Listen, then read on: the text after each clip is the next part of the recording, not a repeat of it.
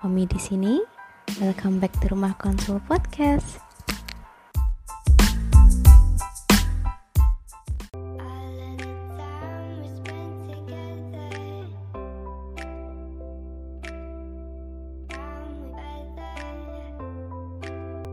Halo sahabat Omi, apa kabar nih hari ini? Hmm, semoga kalian dalam keadaan baik ya, ya sehat juga, terus bahagia. Amin. Kembali lagi bersama kita di podcast kesayangan kalian semua. Untuk kamu yang baru pertama kali mendengarkan, selamat datang di podcast Rumah Konsul. Perkenalkan, aku Putri Anggarini Mika Pratiwi, bisa dipanggil Mika, dan aku ini intern di Rumah Konsul yang bakal nemenin kalian semua nih dalam beberapa menit ke depan untuk bahas tema yang cukup menarik terkait fenomena krisis kehidupan atau permasalahan yang sering kita pikirkan untuk ke depannya akan jadi apa sih kita ini. Tapi aku di sini nggak sendirian. Aku ditemenin sama teman aku nih juga tim rumah konsul. Yuk kita kenalan. Halo sahabat Omi semuanya. Selamat datang dan selamat bergabung di podcast Rumah Konsultasi Indonesia. Aku Anik Azhan, biasa dipanggil Anik. Saat ini posisi aku juga sebagai anggota internship di Rumah Konsul. Oke, aku sama Kak Mike akan bincang santai nih terkait topik atau fenomena yang lagi rame-ramenya di sosial media. Jadi kali ini kita mau bahas tentang apa sih Kak? Nah, seperti yang udah aku bilang tadi, tema kita kali ini tuh bakal menyinggung tentang fenomena krisis kehidupan uh, dan bisa dibilang dengan istilah quarter life crisis. Nah, gimana sih Anik apa aja yang kamu tahu nih tentang quarter life crisis ini? Oke, kalau dari pengertiannya sendiri, dari quarter life crisis itu atau biasa kita sebut dengan krisis hidup pada dewasa awal, itu menggambarkan transisi dari remaja menuju dewasa awal yang berada pada rentang usia 20 tahun hingga 30 tahun. Hal ini biasanya muncul akibat dari tekanan pekerjaan, hubungan, dan berbagai harapan untuk menjadi orang dewasa yang sukses. Kemudian biasanya juga krisis ini ditandai dengan munculnya kebingungan, kebimbangan, dan kekhawatiran akan kehidupan maupun masa depan. Wah, menarik ya. Nah, selain itu, di fase krisis ini bukanlah sesuatu yang harus ditakutkan. Hal ini bahkan wajar loh dialami seseorang yang mengalami transisi menuju fase hidup berikutnya. Selain itu, faktor yang sering ditemukan itu seperti apa sih, Anik? Boleh dikasih tahu nggak? Oke, kalau menurut aku sendiri, faktor dari quarter life crisis ini bisa dari perilaku prokrastinasi, kemudian juga dari masalah keluarga, masalah akademik, maupun dari masalah ekonominya. Oh gitu ya, wah bener banget nih. Uh, kadang aku juga merasa nih ada keraguan, ada rasa cemas, mengalami stres juga, dan itu nggak menutup kemungkinan ya kita tuh nggak ngalamin stres, bingung dan gelisah terhadap tujuan hidup ini. Lalu Kak, penyebab dari terjadinya quarter life crisis ini bagaimana sih? Nah, penyebab dari quarter life crisis itu muncul di saat kita mengalami masalah pekerjaan, merencanakan karir, atau perencanaan masa depan nih. Yap, benar banget kak. Aku juga kadang kalau melihat teman-teman nih yang udah mencapai impiannya lebih dulu itu rada gimana gitu kak. Jadi kayak perasaannya tuh ya jadi insecure gitu. Oke, terus kak tanda-tanda dari quarter life crisis itu seperti apa sih kak? Nah ini nih aku tuh pernah baca ya di buku kalau quarter life crisis itu ditandai dengan beberapa hal. Nah ini tuh terdiri dari tujuh tanda seseorang mengalami quarter life crisis. Bener nggak sih itu tuh? Tapi yang aku inget tuh kalau nggak salah cuman ada empat deh. Ya, bener banget, Kak. Jadi, tanda quarter life crisis itu terdiri dari tujuh.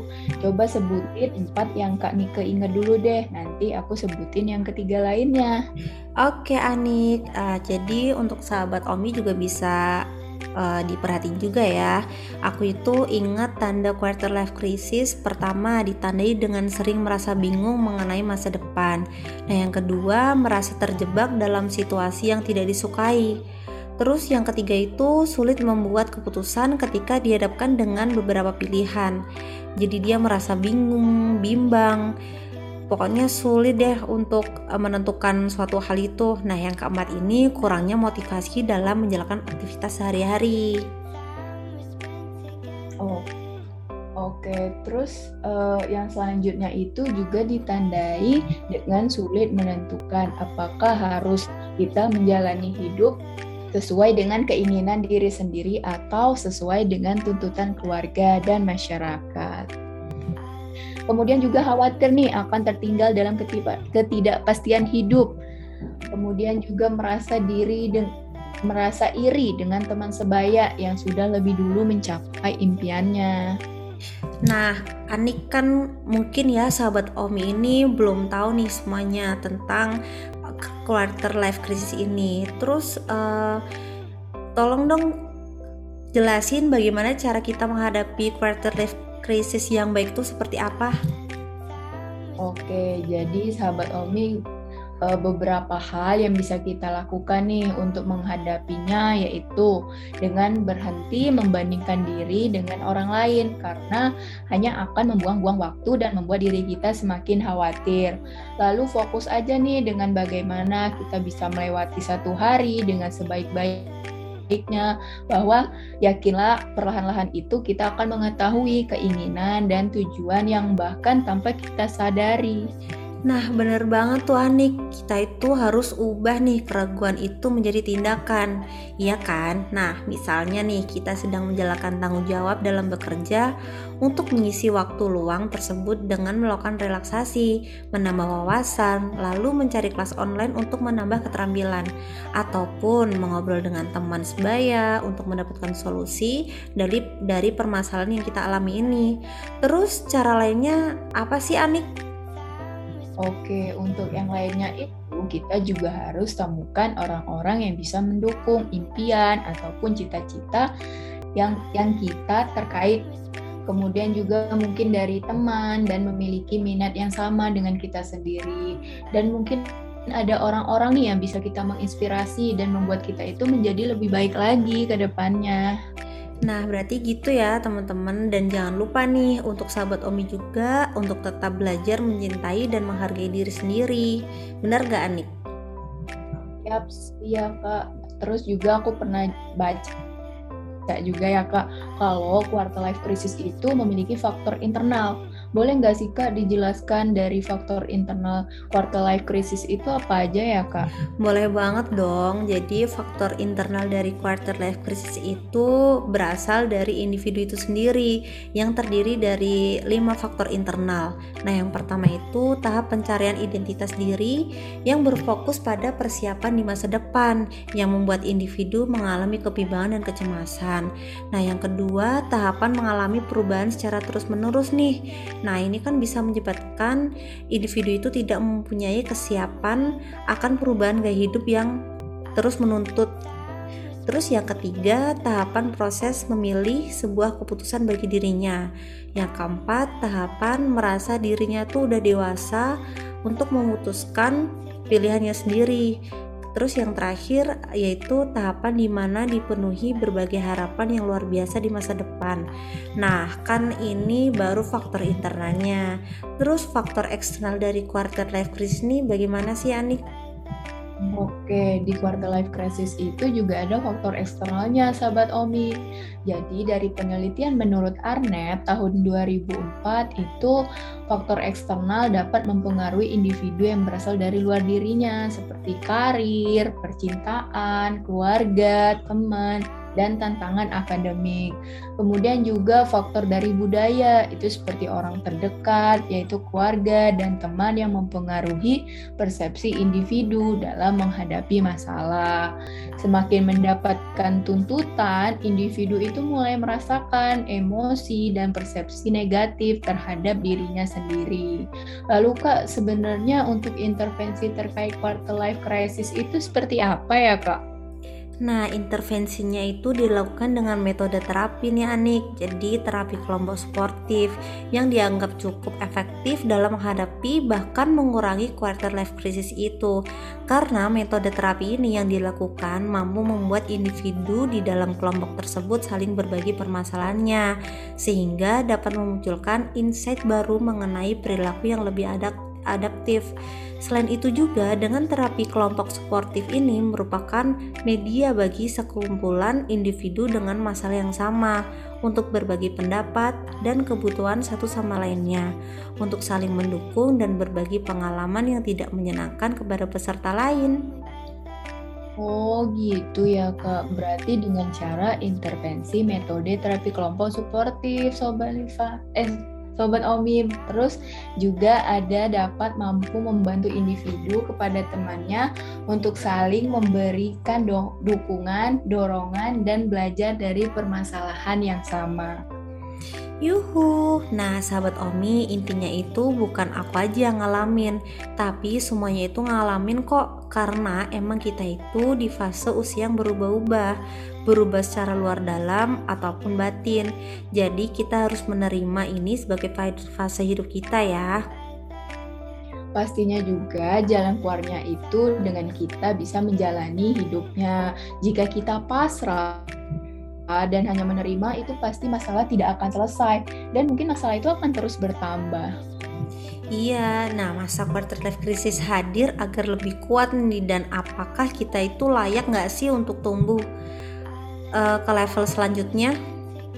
Yap, benar banget Kak. Jadi quarter life crisis itu sebuah alarm nih dalam hidup kita yang nyata untuk menjadi peringatan buat aku sendiri nih Kak. Kalau diri kita ini udah mulai dewasa dan harus lebih kuat lagi dalam menghadapi semua rintangan ke depannya. Tetap hargain semua orang juga, semua pandangan orang, semua keputusan orang lain, karena semua orang itu memiliki sudut pandang yang berbeda, dan kita itu harus selalu sabar maupun terus berusaha, ya kan? Yaps, oke okay, Kak. Oh iya Kak, tahu nggak sih kalau quarter life crisis itu bisa menyerang siapa aja? Karena sesungguhnya masalah dalam hidup adalah sesuatu yang sangat wajar dalam menghadapi fase ini. Kita membutuhkan fisik dan mental yang kuat supaya krisis ini tidak berlanjut lebih jauh. Bener banget itu. Nah, oleh karena itu, selain memperhatikan kebutuhan jiwa kita, jangan lupa juga nih untuk merawat diri. Nah, itu bisa dari berolahraga dan mengonsumsi makanan yang bergizi untuk kesehatan tubuh kita. Apalagi uh, kita kan di sini lagi masa pandemi kayak gini ya. Jadi mungkin nih uh, kesehatan kita kurang terjaga karena kita hanya di rumah aja. Apalagi karena kita ini kan um, seorang mahasiswa yang kuliahnya online kan jadi kita kan pasti banyak rebahan cuma di kasur aja gitu. Nah apabila dirasa kita masih mengalami kesulitan dalam menghadapi quarter life crisis itu sahabat Omi jangan ragu untuk berkonsultasi dengan psikolog atau psikiater. Oh gimana sih kalau ingin berkonsultasi ke psikolog gitu tuh Nah, mungkin sahabat Omi juga masih ada nih yang belum tahu. Jadi, bisa nih sahabat Omi itu datang ke rumah konsul. Di sini kita bisa konsultasi dengan psikolog dengan berbagai macam permasalahan yang kita alamin dan jangan takut karena sudah terjamin loh kerahasiaannya sesuai dengan kode etik profesi psikolog. Jadi, sahabat Omi nggak perlu khawatir lagi ya. Oke, benar banget Kak. Nah, untuk merubah diri sendiri itu sangatlah susah, tapi kita harus bisa dan tidak terasa nih waktu kita ngobrol dengan asik ini bersama aku dan Kak Mika. Mungkin segini aja ya dari kita terkait topik quarter life crisis. Nah, sahabat Omi, semoga menambah insight untuk sahabat Omi dan semoga bermanfaat ya. Dan ingat aja, semua orang itu ada masing-masing waktunya kok. Kapan untuk sukses, kapan untuk menemukan jati dirinya, dan berhenti untuk membandingkan diri kita sama orang lain. Karena semua orang itu punya waktunya. Kalau teman-teman belum bisa menjadi seperti mereka, pasti ada waktu dan saatnya. Yang penting kita usaha. Ya, terima kasih ya sahabat Omi semuanya. Aku Mika. Aku Ani. Sampai jumpa, sahabat Omi. Dah.